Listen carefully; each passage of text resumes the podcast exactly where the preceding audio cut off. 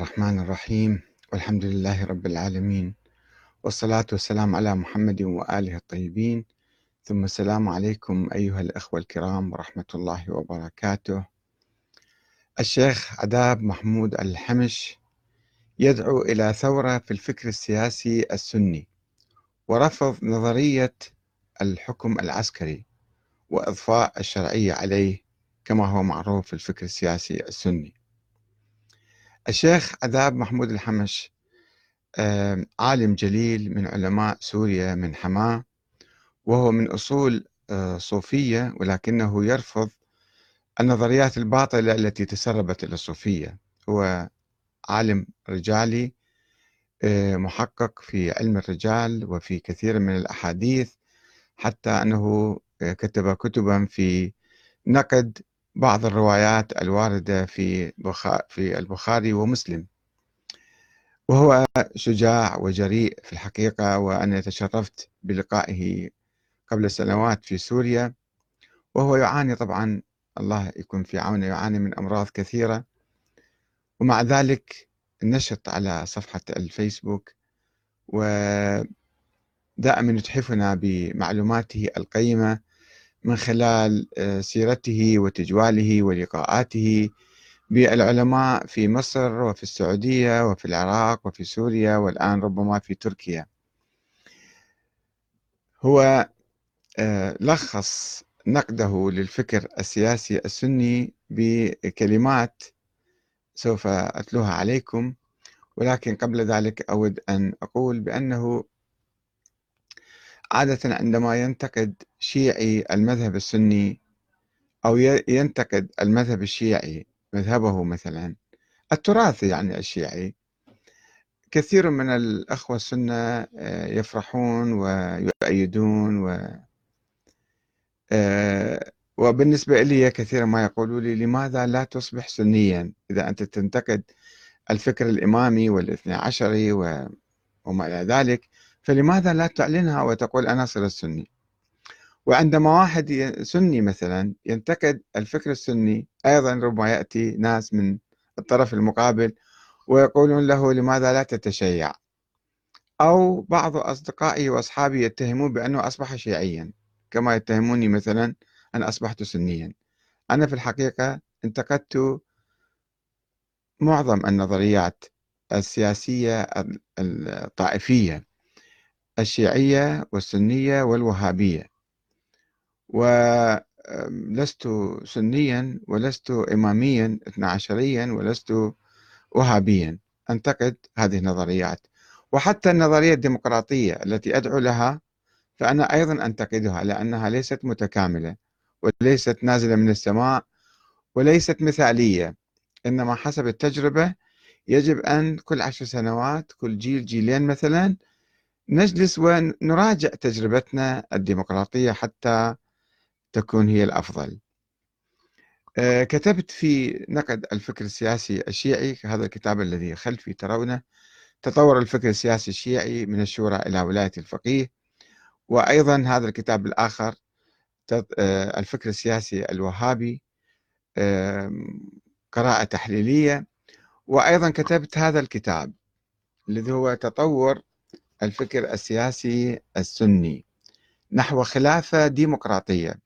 ورصدت آه، تطور هذا الفكر. آه، طبعا الفكر السني المعروف الذي نشأ عبر مئات السنين وخاصة في أيام الدولة العباسية واعتمد على التراث الأموي في الأحاديث. هو السائد وربما حتى الآن يعني يعشعش في عقول كثيرة من العلماء والشباب والناس العاديين. ولكن حصل في تطور منذ مئة عام أو أكثر. حصل تطور في العقل السياسي السني في قادة الحركات الإسلامية بدرجات متفاوتة ومختلفة باتجاه الديمقراطية التي كانوا يرفضونها من قبل ويحرمونها ولا يزال ربما بعض الأحزاب كحزب التحرير يراها مناقضة للنظام السياسي الإسلامي. وفي الإسلام لا يوجد نظام سياسي. ولكنه هذا النظام السني الديمقراطية تتناقض مع النظام السياسي السني فهم يعتبروا هذا هو الإسلام. وهذا أكبر خطأ. أن واحد يعتبر نظرية الإمامة أو العقيدة الاثنى عشرية مثلا هي تمثل الإسلام. وكذلك نظام الخلافة والفكر السياسي السني يمثل الإسلام. هذا خطأ كبير. لا يما هذا فكر بشري. إنتاج بشري عبر القرون تطور ووصل إلى هذه الحالة. فلا يجوز أن ننتقد. في كتابي تطور الفكر السياسي السني أنا حاولت يعني لا أنتقد فقط مظاهر هذا الفكر إنما أصل وأبحث عن جذور الفكر السياسي السني. وفي الحقيقة لماذا يسمى سني مثلا؟ سني ليس بالنسبة إلى سنة رسول الله وإلى كل المسلمين هم آه، ينتسبون إلى سنة رسول الله ويؤمنون بهذه السنة القرآن والسنة كل المذاهب تؤمن بالسنة ولكن لماذا وضع أهل السنة أو أهل الحديث عليهم على أنفسهم لقب السنة ما هي هذه السنة التي امتازوا بها وافترقوا بها عن الآخرين هل هي السنة النبوية؟ طبعا لا. السنة النبوية المتواترة العملية مجمع عليها بين جميع المسلمين لا يوجد خلاف حولها. وإنما هناك مصطلح آخر لكلمة السنة هي آه، الحديث. الأحاديث اللي كانت تجي وتنسب إلى النبي فيعتبروها سنة. وهذه السنة منين ماخذيها هاي الأحاديث يعني. ماخذيها من الصحابة. وفي الأحاديث تزكية للصحابة فيصير دور. والصحابة بعضهم يعني قال بأشياء كثيرة بأحاديث كثيرة منها وجوب الطاعة للسلطان وعدم الخروج عليه. وهذه الأحاديث في نظري نشأت في أيام الأمويين والأمويين صنعوها عبر بعض الصحابة ونسبوها إلى رسول الله ثم دخلت في العقل السني. فلذلك الفكر السياسي السني يبنى ويقوم ويستند على هذه الأحاديث الموضوعة المفبركة المنسوبة إلى رسول الله والمناقضة للقرآن الكريم والمناقضة للعقل والمناقضة للفطرة. والشيء الثاني الفكر السياسي السني يستمد يعني فكره من تجربة الصحابة وتجربة التابعين. فماذا فعل الصحابة؟ يصبح شيء مقدس وكأنه سنة هذا. وهناك حديث لديهم يقولون يعني عليكم بسنة الشيخين من بعدي أو سنة الصحابة. فكل ما فعل الصحابة والشيخان على رأسهما على رأس السنة والصحابة يعتبر هذا مقدس ويعتبر هذا صحيح وما يجوز نقده وما يجوز كذا ويجب الاقتداء به. وكذلك الاقتداء بما فعل بقية الصحابة والتابعون. الصحابة أيضا تعرفون معاوية مثلا على يحشر نفسه من الصحابة والسنة يعتبروه أيضا واحد من كبار الصحابة رغم أنه من الطلقاء. أنه استولى على السلطة بالقوة. إيه طيب ما في شيء مو مشكلة خليه يستولي على السلطة. وإذا فأي حاكم يستولي على السلطة بالقوة يصبح حاكم شرعي. ويجي الإمام أحمد بن حنبل ويقول أن كل واحد يسيطر على المسلمين ويقال له أمير المؤمنين بأي طريقة اجى للحكم بالبيعة الطوعية أو البيعة القسرية أو بانقلاب عسكري فلا يجوز لا يحل لإنسان أن يبات بالليل وهو لا يعتقد أنه هذا أمير المؤمنين. لازم هو عقل لازم يعتقد به يؤمن به يعني خلص زين وإذا صار انقلاب عليه خلص ذاك راح سقط. ويجي واحد ثاني جديد هم لازم نفس الشيء. ولذلك سلسلة الانقلابات اللي كانت تحدث وخاصة أيام المماليك شيء طريف جدا يعني. كل يومين ثلاثة يصير انقلاب وهذا يجب طاعته ويحرم الخروج عليه. بس هو من يخرج لا يحل له الخروج. يصير يعني حاكم وذاك بعد ما يجوز طاعته وما يجوز واحد يدير له بال. وهذا يجب طاعته وهكذا. فالفكر السياسي السني في أزمة حقيقية. طبعا المجتمعات العربية اليوم والإسلامية ليست سنية بذاك المعنى. شوفون أنتم الثورات العربية الربيع العربي أو الخريف العربي أو الآن الثورات الموجودة في الجزائر أو في السودان لا يعرفون هذا الفكر المكتوب بالكتب اللي يسموه كتب أهل السنة. فالشعوب العربية والإسلامية الآن هي تعتنق الفكر الديمقراطي والثقافة الديمقراطية وهي ثقافة المسلمين الأوائل يعني نظرية الشورى التي كانوا يؤمنون بها. وكان الخليفة يعتبر هذا نائب عن الأمة وهو وكيل عنها ويحقق أهدافها وأي يعني آه، إذا انحرف قليلا عن تعهده أو عن التزاماته يسقط ويثورون عليه. الصحابة أيضا ثاروا على عثمان لكن السنة لا يقتدون بهذه التجربة ويدينونها ويلقون مسؤوليتها على ناس أجانب يهود أو كذا أو آه، عبد الله بن سبأ أو كذا يعني يحاولون أن يسقطون هاي هذا أيضا من تجارب الصحابة ولكنها مهملة. فهناك انتقائية في اختيار التجارب واختيار الأحاديث. هناك أحاديث في التراث السني أيضا تسمح بالخروج على الظالمين والمنحرفين ولكنها لا يؤخذ بها.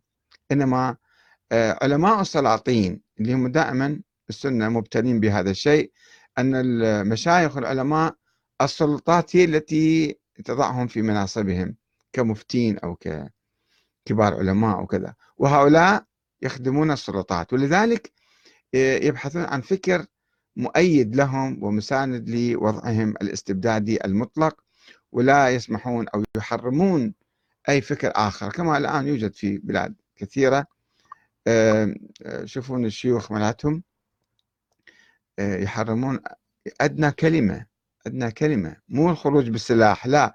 الخروج مو الخروج هو أساسا نقد الحاكم أو توجيه نصح له أو إبداء رأي مخالف لرأيه فقط يلقى هذا القائل بالسجن أو يعدم أو كذا لماذا تجرأت على أن تتخذ موقف آخر؟ فيجب على جميع الناس أن يكونوا عبيدا وأن يكونوا مستسلمين. ما لهم أي وجود ما لهم أي كيان ما لهم أي شخصية ما لهم أي حرية في آه، قول أي كلمة وإبداء أي رأي. هذا حال بعض الممالك الخليجية اللي تشوفوها يعني آه، هذه الأيام. شوفوا الناس يلقون بالعلماء بالسجون لمجرد مو مو نقد الحاكم مجرد ابداء رأي نصيحة مثلا. في شيء شيء بسيط جدا يلقى بالسجن ويعدم ويقتل.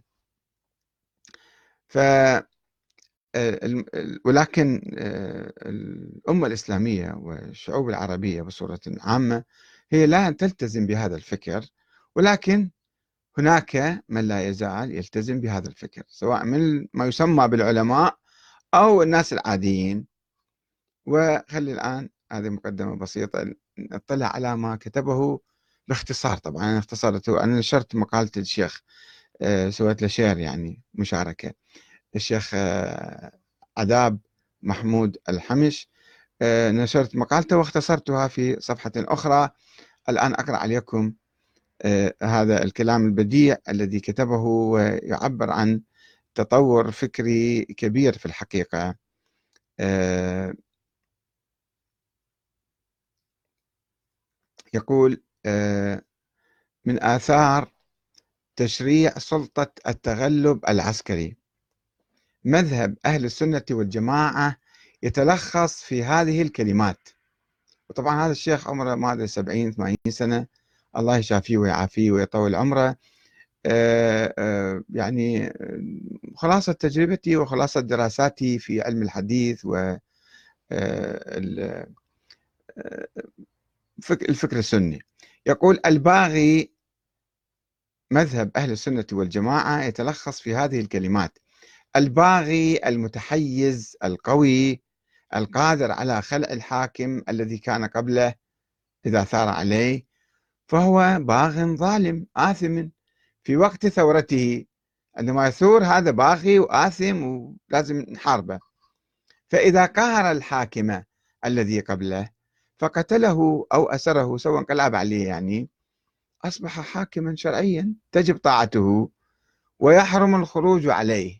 هذا ملخص الفكر السني لخصه في هذه الكلمات.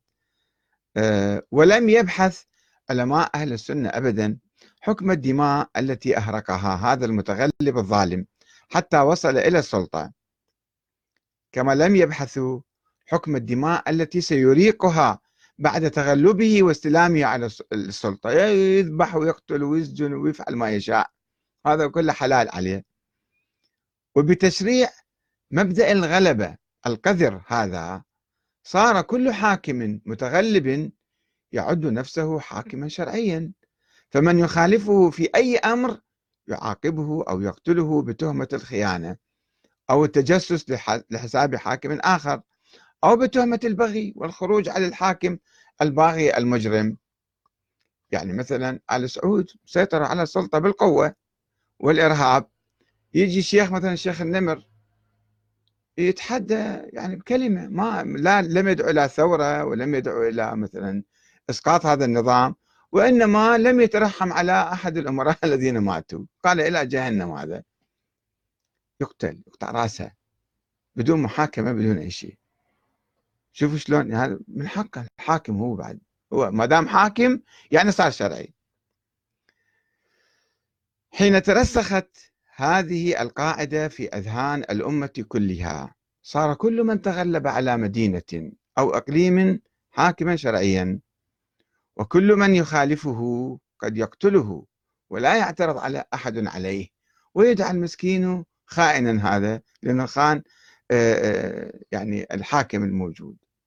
طبعا الشيخ يجيب أمثلة كثيرة. أنا اختصرت لهذا مثل يجيب قصة معاوية وسيطرته على السلطة وشلون كان يعمل يقتل الناس الأبرياء وكان يقول هذا يعني كان محارب مو فقط باغي.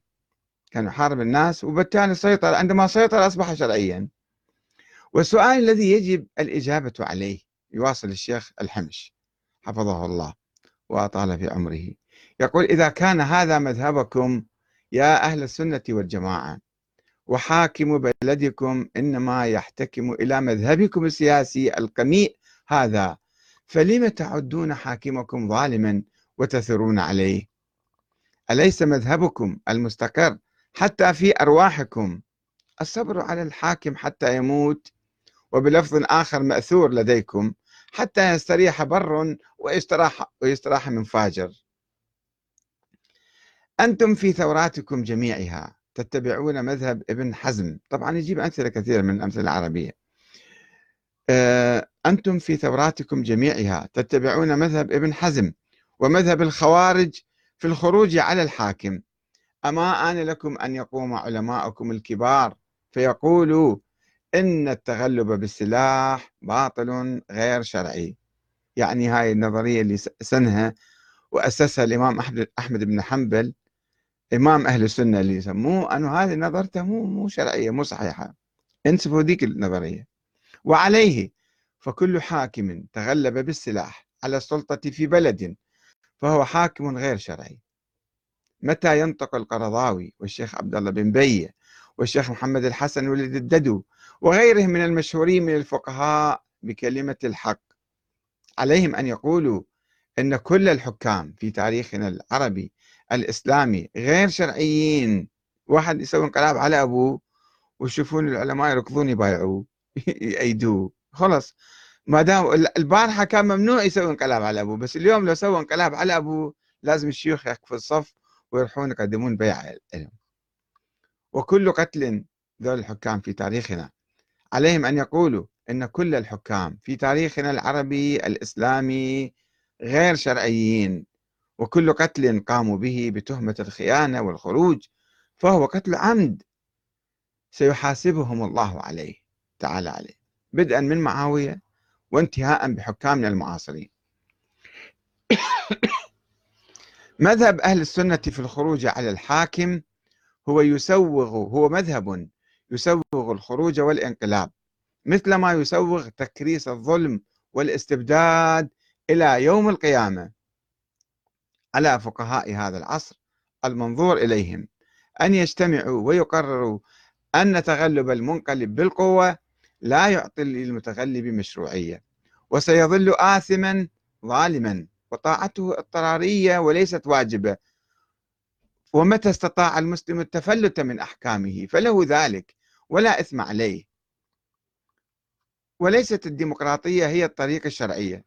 الشيخ ما يؤمن بالديمقراطية كثيرا إلا في حدود الشرع وتطبيق الشرع وبطريقة مو انتخاب العام أيضا عنده نظرية خاصة في هذا الموضوع. ولكن أيضا يقول لكن الديمقراطية أفضل البدائل الممكنة في زماننا هذا. ووعدنا أيضا بتقديم هو تحدث سابقا أيضا الشيخ عذاب الحمش عن طريقة معينة لانتخاب الحاكم الأفضل والطريقة الفضلى لانتخاب هذا الحاكم. ولكن هنا يقول بالتالي الديمقراطية بالصورة الموجودة أفضل البدائل الممكنة في زماننا هذا. فبالحقيقة يعني نأمل أن يلتزم الإسلاميون والمشايخ والعلماء والحركات الإسلامية بالاحتكام إلى الشعب وشعوبنا معظمها شعوب إسلامية. آه، الغالبية فيها مسلمون وبالتالي لا خوف من الخروج على الإسلام مثلا أو سن قوانين ضد الإسلام. فإذا آه، الديمقراطية هي وسيلة لتداول السلطة بشكل سلمي حتى آه، يرضى عامة الناس ويأخذون الحاكم الحكام يأخذون البيع البيعة يعني بالمصطلح القديم يأخذون الشرعية عبر صناديق الاقتراع الأكثرية هم يأخذون. وبالتالي يرجعون للشعب أيضا في كل أمر يهم مصيره في كل قرار اللي يمس حياة الناس الحاكم ما يجوز ينفرد به من وحده. يبيع البلد مرة واحدة للأجانب يتحالف مع الأعداء يحارب الأصدقاء والأخوان من المسلمين ويفعل ما يشاء لأنه خلص أصبح حاكما شرعيا. يفعل كل شيء يصبح هذا من حقه يفعل ما يشاء. هنا المشكلة وهذا نعاني من أجل الآن البلاد الإسلامية والعربية خصوصا تشوفون أنه في تحالفات مع الصهاينة ومع المستعمرين وخضوع وبيع للبلاد ومع ذلك هذا يعتبر وكثير من المشايخ الكبار المشايخ أيضا ساكتين وصامتين ومؤيدين يقول لك هذا من حق الحاكم أن يفعل ما يشاء. هو عنده سلطة مطلقة سلطة مطلقة. آه، طبعا نقاش كثير في موضوع الديمقراطية لأنه حتى من الشيعة لا يزال بعض الناس يشككون بالديمقراطية أو مثلا يترددون فيها. ويقدمون نظريات أخرى. يعني المسلمين جميعا في الحقيقة علماء المسلمين يجب أن آه، يقوموا بثورة فكرية آه، في الفكر السياسي خصوصا. بس القضايا الاعتقادية قضايا كذا يمكن واحد بصورة شخصية يناقش بها بس الفكر السياسية هم